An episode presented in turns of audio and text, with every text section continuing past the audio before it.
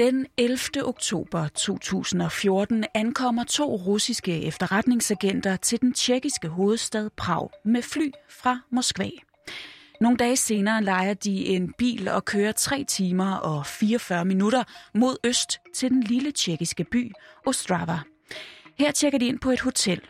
Tæt på hotellet, ude i en afsidesliggende skov, ligger et våbenlager, som altså er målet for deres mission. Og den 16. oktober, uden for lagerets åbningstid, der skaffer mændene sig adgang til den her bygning. Her planter de nogle eksplosiver og øh, kører efterfølgende direkte mod Wien for at nå et fly tilbage til Moskva. Da de er kommet et øh, godt stykke væk fra våbenlageret, aktiverer de de fjernstyrede eksplosiver. 50 tons ammunition på det her lager springer i luften i en stor eksplosion, der blæser vinduerne ud på nærtliggende bygninger. Den lokale skole evakueres, og udrykningskøretøjer haster til det, man i første omgang tror er en ulykke. Mere end en måned senere finder man lige resterne fra to mænd, der arbejdede på lageret.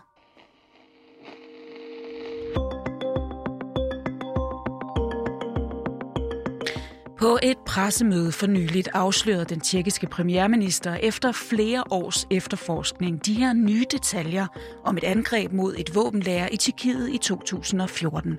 Et angreb, som det angiveligt viser sig, at det russiske militærs efterretningstjeneste GRO står bag.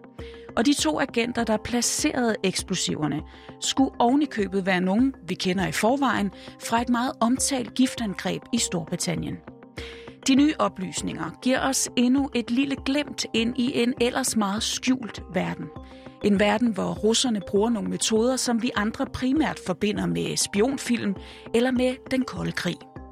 I udsyn i dag ser vi nærmere på Gro og på, hvorfor pokker Putin benytter sig af de her hemmelige agenter, hvilket jo altså virkelig ikke er noget, der bliver taget særlig godt imod af omverdenen.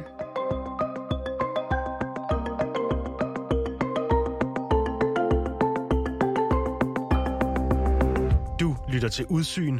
Din vært, Christine Randa. Altså, det lyder jo som om, at det er taget ud af en eller anden dårlig krimi, og det er det jo i virkeligheden også bortset fra, at det her, det er altså the real deal. Altså, det, det, det er simpelthen foregået i 2014. Så derfor så er det jo en, en, en, en ret vild historie, ikke?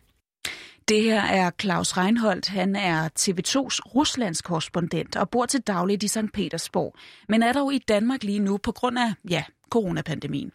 Og Claus her, han ved rigtig meget om angrebet i Tjekkiet, om Gro og om Putin. Og for at forstå, hvorfor de her russiske groagenter angiveligt blev sendt til Tjekkiet på netop den her mission tilbage i 2014, ja, så er det afgørende at vide noget mere om det våbenlager, der blev sprunget i luften dengang det her våbenlager, angiveligt så, så skulle det, i hvert fald, jeg ved ikke om alle de våben, alt, alt ammunition, som var derinde, om det skulle sælges videre til en bestemt øh, mand, men i hvert fald ved vi, at noget af det var øh, kommet i søgelyset af, hos en, øh, en bulgarsk våbenhandler. Øh, og, og han skulle angiveligt gerne vil købe noget af det her våben, nogle af de våben og det ammunition, og simpelthen sælge det videre til Ukraine. Og det her link til Ukraine, det er det helt afgørende. For i 2014, der indledte Rusland jo en konflikt med netop Ukraine. I 2014, øh, der bliver Krim annekteret af Rusland fra Ukraine. Det er en gigantisk stor nyhed. Altså hele verden blev fuldstændig taget på sengen. Altså hvad i alverden er det, der sker? Russiske soldater, det var godt nok dengang, der sagde de, at det var, havde ikke noget med, med Rusland at gøre, men øh, de der grønne, små grønne mænd, som rendte rundt ned på Krim, de var russiske soldater. Jeg var, jeg var der selv dernede faktisk, øhm, og jeg taler russisk, og jeg kom i snak med en af de der gutter der, og spurgte ham, hvor han var fra, og han fortalte, at han var fra St. Petersborg, så ergo selvfølgelig var det russiske soldater. Men annekteringen af Krim, og så efterfølgende også den øh, de to øh, separatistinklaver i Donbass-regionen, som det hedder i det østlige Ukraine, hvor de begyndte at, at løsrive sig. Det er ligesom der, hvor man kan sige, at, at Gro kommer på, på stort set øh, alle verdens øh, efterretningstjenesters radar. Og Rusland sendte gro-agenter til Ukraine, fordi at ukrainerne i februar 2014 gjorde oprør mod deres øh, ruslandsvenlige præsident, Viktor Yanukovych, som altså endte med at flygte ud af landet. Og det banede altså vejen for et mere vestligt orienteret Ukraine der sker noget i Ukraine. Ukraine, de vil gerne sådan orientere sig mere mod øh, Europa og Vesten osv., og, og det kan Rusland ikke have. Så derfor er det, de begynder at lave de her ting her, altså en orientering af Krim, og så støtter de også de her separatister i, i, øh, i Donbass. Så, så her begynder folk i Gru, som jo er tophemmeligt, altså det er, det er en tophemmelig organisation i Rusland. Der er faktisk også øh, nogen, eller de fleste fra de andre øh, efterretningstjenester, som findes i Rusland, det er FSB og SVR osv., de, de, efter sine så aner de faktisk ikke, hvad det er, Gro de i virkeligheden foretager sig.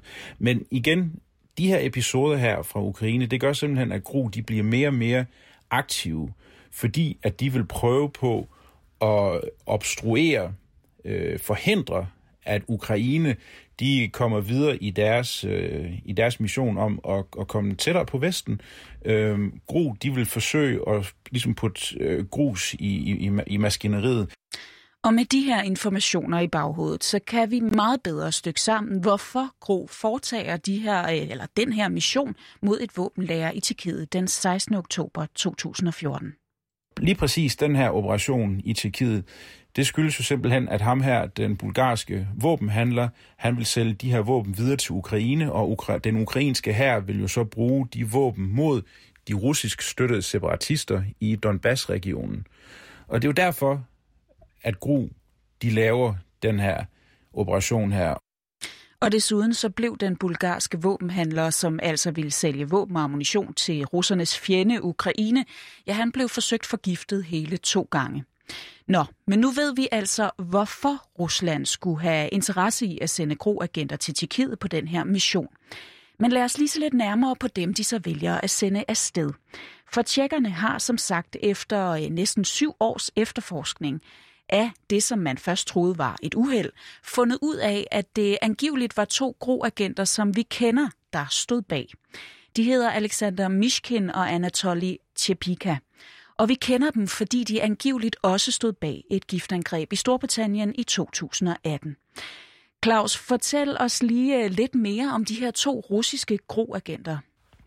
Jamen, det er jo to meget... Øh, altså, de kom jo egentlig først rigtigt øh, i, i mediernes søgelys i, øh, i 2018, da, øh, da, da de optrådte på ufattelig mange øh, skjulte øh, optagelser og billeder, som blev taget i Storbritannien, fordi at de ifølge den, den britiske efterretningstjeneste altså var taget til, øh, til den navnkundige by Salisbury, for som efter deres eget udsagn over for at, at kigge på øh, byens kirke og det flotte kirketårn, som var der. Men øh, i virkeligheden, deres mission i Salisbury var altså, at de, de skulle forsøge at forgifte en, øh, en tidligere russisk efterretningsspion, øh, Sergei Skripal.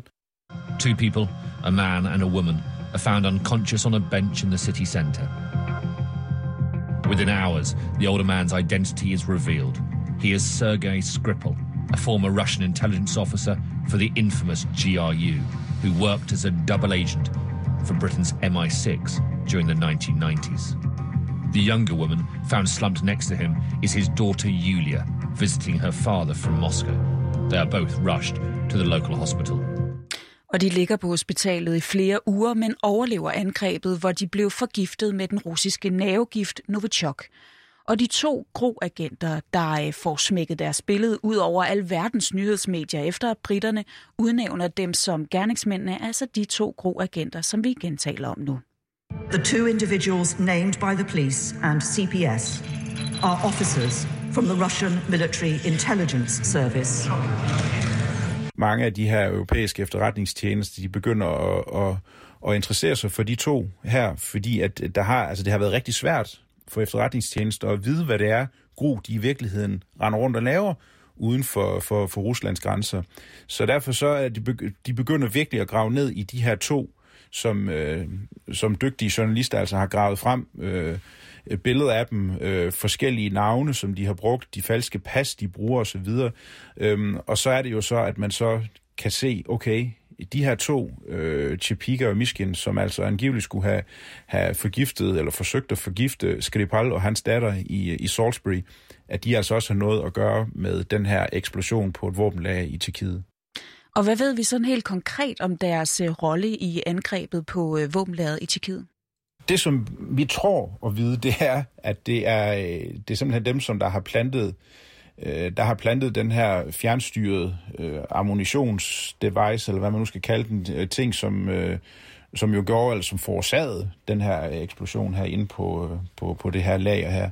Øhm, og man mener også, at eksplosionen skulle ikke have været sket på selve lageret, men den skulle være sket, mens, mens noget af det her ammunition, det skulle fragtes ud Øh, hvorhen, hvorhen eksplosionen i virkeligheden skulle have været sket, det ved vi ikke, men altså, man kan jo så begynde at gisne om, at det er muligvis, at de ville have haft det, skulle have sket på ukrainsk territorium, som jo de facto er øh, Ruslands fjende lige nu. Inden vi fortaber os for meget i de her to navngivende russiske agenter, så skal vi lige huske, at de jo bare er to agenter, der er sendt i byen for det russiske militærs efterretningstjeneste GRO og ja, for Putin. Altså, Gro skulle ifølge øh, vestlige efterretningstjenester være toppen af poppen i Rusland.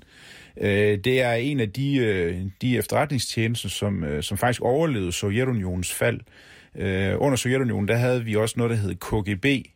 Øh, det blev så splittet op i, i to forskellige, øh, som i dag nu hedder FSB, og så er der noget, der hedder SVR. SVR, de tager sig af udenlandsk... Øh, øh, efterretninger, og FSB tager sig af, af de indrigs, øh, indrigs efterretninger. Og så har vi sim- simpelthen Gru, som ligesom svæver over vandene, som, øh, som, som både opererer inde i Rusland, men også opererer uden for, for, for Ruslands grænser. Og det er øh, faktisk øh, den organisation, som, som, som nærmest er ældst. Den, øh, man kan datere den helt tilbage til, til Sarens tid, øh, og den overlevede så både Sarens fald, og den har altså også nu overlevet øh, øh Sovjetunionens fald. Og, øh, og, og, og lige nu faktisk er den, øh, bliver den jo brugt, øh, kan, kan vi jo se, blandt andet med det her øh, angreb i, øh, i Tjekkiet, men også Salisbury, og det er altså ikke de eneste missioner, som vi ved, at Gro har været involveret i i de seneste år. Udover at de jo, som Claus nævnte i starten, har stået i spidsen for krigen i det østlige Ukraine, så har de blandt andet også forsøgt at lave en uh, lille revolution i Moldova for at undgå, at uh, landet blev en del af NATO. Der er også andre eksempler. Der er jo også øh, hack, det store hack af, af demokraternes konvent, i 2016, øh, da Trump han blev, øh, blev valgt som, øh, som præsident. Det er også en afdeling inden for GRU, som står bag det her hack. Øh, så, og, og der, her var formålet jo at, at, at skabe skabe splid i den amerikanske befolkning øh, og, og, og ligesom forsøge at få vendt, øh, vendt fokus, øh, eller i hvert fald også at få stillet demokraterne i et dårligt lys. De er altså blevet enormt aktive i Gro, og det er de selvfølgelig på ordre fra højtstående folk. Angiveligt så skulle Gro øh, øh referere direkte til, øh, til den russiske forsvarsminister Shoigu, og så også øh, øh, øh, en højtstående general, der hedder øh, Gerasimov, og det vil så sige, at Putin han jo i virkeligheden også er med i det der. Så derfor så, øh, så ved toppen i Rusland godt, hvad det er, at Gro de render rundt og laver, og man mener så også, at det simpelthen er på direkte ordre for både præsidenten og også øh, forsvarsministeren, de ting, som Gro de, de, øh, de laver. Og prøv lige at, øh, at opsummere helt kort for os. Hvad er Gros primære funktion i dag? Gros funktion er at, øh, at obstruere øh, Ruslands fjender på papiret. De opererer sådan fra gang til gang, men det er altid for at styrke øh, hvad hedder det, øh, Ruslands interesser og også deres øh, fodaftryk i verden. Så vi har altså en tophemmelig militær efterretningstjeneste her, som kæmper for at fremme Ruslands interesser, blandt andet udenrigspolitisk. Og nu har toppen af det her isbjerg altså vist sig over havoverfladen et par gange i form af de her to russiske agenter, som vi altså både har navn og ansigt på. Men Claus, nu når vi ved, hvem de er, hvorfor er de så ikke for længst blevet øh, anholdt eller, øh, eller måske ligefrem øh, likvideret? Ja, det er et rigtig godt spørgsmål. Altså, jeg tror simpelthen, at øh, altså, hvis vi sådan kigger på, på hvordan øh, verdens efterretningstjeneste de opererer, ikke, så, øh, så har vi jo Mossad, den israelske efterretningstjeneste, som jo virkelig også er aktiv. Altså, de jo likviderer jo iranske atomforskere og så videre. Øhm, altså, og der kan man jo sige, at GRU er jo sådan øh, lidt, lidt eller det samme.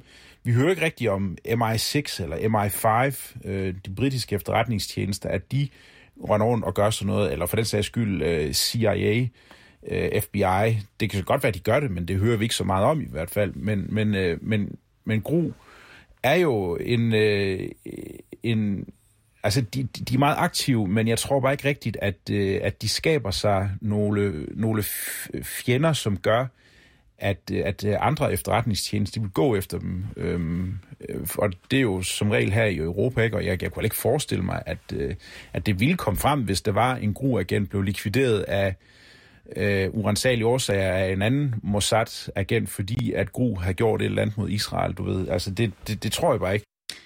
Og kan vide, hvorfor Rusland øh, ikke selv har skaffet de her to mænd af vejen, nu når de er blevet afsløret hele to gange, og nu når de her afsløringer jo hver gang resulterer i et politisk efterspil og en modreaktion. Senest med Tjekkiet, der efter deres afsløring tidligere på måneden udviste 18 russiske ambassademedarbejdere fra landet, som de mente i virkeligheden var efterretningsagenter og også involveret i den her øh, eksplosion, den her mission omkring den her eksplosion, der var i 2014. Ja, og så udviste tjekkerne også lige yderligere 63 russiske diplomater efterfølgende. Men Rusland, de er fuldstændig ligeglade. Altså, deres strategi er benægt, benægt, benægt. Det har intet med os at gøre, det her. Vi aner ikke, hvem de her to gutter er. Det har intet med os at gøre. Og de kommer blevet ved med at sige, at der simpelthen ikke er nogen håndfaste beviser på, at det er øh, hverken en russisk stat, der står bag, men heller ikke GAU eller GRU. Så derfor så benægter de, og, og, og så selvom at der så kommer sanktioner mod Rusland, det er de også ligeglade med. Fordi at jeg tror, de laver sådan et... Øh, de, de, de sidder fuldstændig og kigger på et stykke papir, og så begynder de at, og, og, og, og kigge på, hvad er for at være imod den her mission her. Og så som regel, så er kalkylen simpelthen, at jamen, det kan godt betale sig, at vi gør det her. Og det kan også godt betale sig, selvom at der kommer øh, sanktioner af den ene eller den anden af art mod den russiske stat. Og man tænker måske, hvordan pokker har de råd til det? Men altså, det har de åbenbart. Eller de fortsætter i hvert fald, selvom de bliver straffet. Og Putin, ja, han virker iskold. Han er, han er frygtløs, altså, og det, og, og det er også utroligt. Altså, det er jo et spørgsmål, som jeg, jeg tit stiller mig. Altså, hvad i alverden er det, der sker? Altså, hvor, så prøver de at forgifte en oppositionspolitiker i Rusland, der hedder Alexej Navalny, med Novichok. Altså, hvor, hvorfor er det, de gør det? Altså, hvad er det, de prøver på at få ud af det? Øh, og, og, og tænker den russiske stat virkelig, at, at vi kan bare fortsætte med det her, uden at det har de helt store konsekvenser for os? Og der er svaret jo bare, ja, det kan de sådan set godt. Altså, de har annekteret Krim fra et andet land. Øh, det var helt utænkeligt. Jo, bevares, der er kommet sanktioner mod Rusland, men øh, jeg bor til daglig i Rusland, og folk de lever der stadigvæk. Det er ikke Nordkorea. Folk de sulter ikke. Jo, der er fattigdom og så videre, men det er jo slet ikke at sammenligne med øh, andre lande, som, øh, som har sanktioner mod sig, og hvor de der sanktioner, de altså bider rigtig, rigtig hårdt, ikke? så bider de åbenbart ikke så hårdt i Rusland. Og jeg tror simpelthen, det er derfor også, at, øh, at Putin han tænker, jamen altså, de kan ikke gøre noget mod os. Vi er simpelthen så stærke. Vi, vi, vi, vi fortsætter simpelthen den her strategi med at lave ravage rundt omkring i verden, hvis det er til fordel for os, og hvis det er godt for vores interesser, jamen så fortsætter vi. Fordi sanktioner, ja, dem skal vi, dem skal vi nok øh, øh, komme over. Vi skal nok klare det.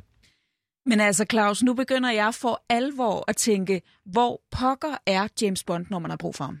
Ja, ved du hvad, det er, også, det er virkelig et rigtig, rigtig godt spørgsmål. Jeg tror bare også, at de vestlige efterretningstjenester, de ved, at hvis det her, altså, øh, hvis der er en James Bond, som lige pludselig begynder at lave, øh, du ved, sådan nogle spejloperationer mod Gru eller, eller øh, andre mennesker i, i Rusland. Altså laver nogle af de samme operationer, som Gru de laver for eksempel på europæisk jord, jamen så er det jo først og fremmest, at det eskalerer helt vanvittigt. Altså så er det jo, vi kommer til at komme fuldstændig tilbage, som til under den kolde krig, hvor der jo var de her missioner her.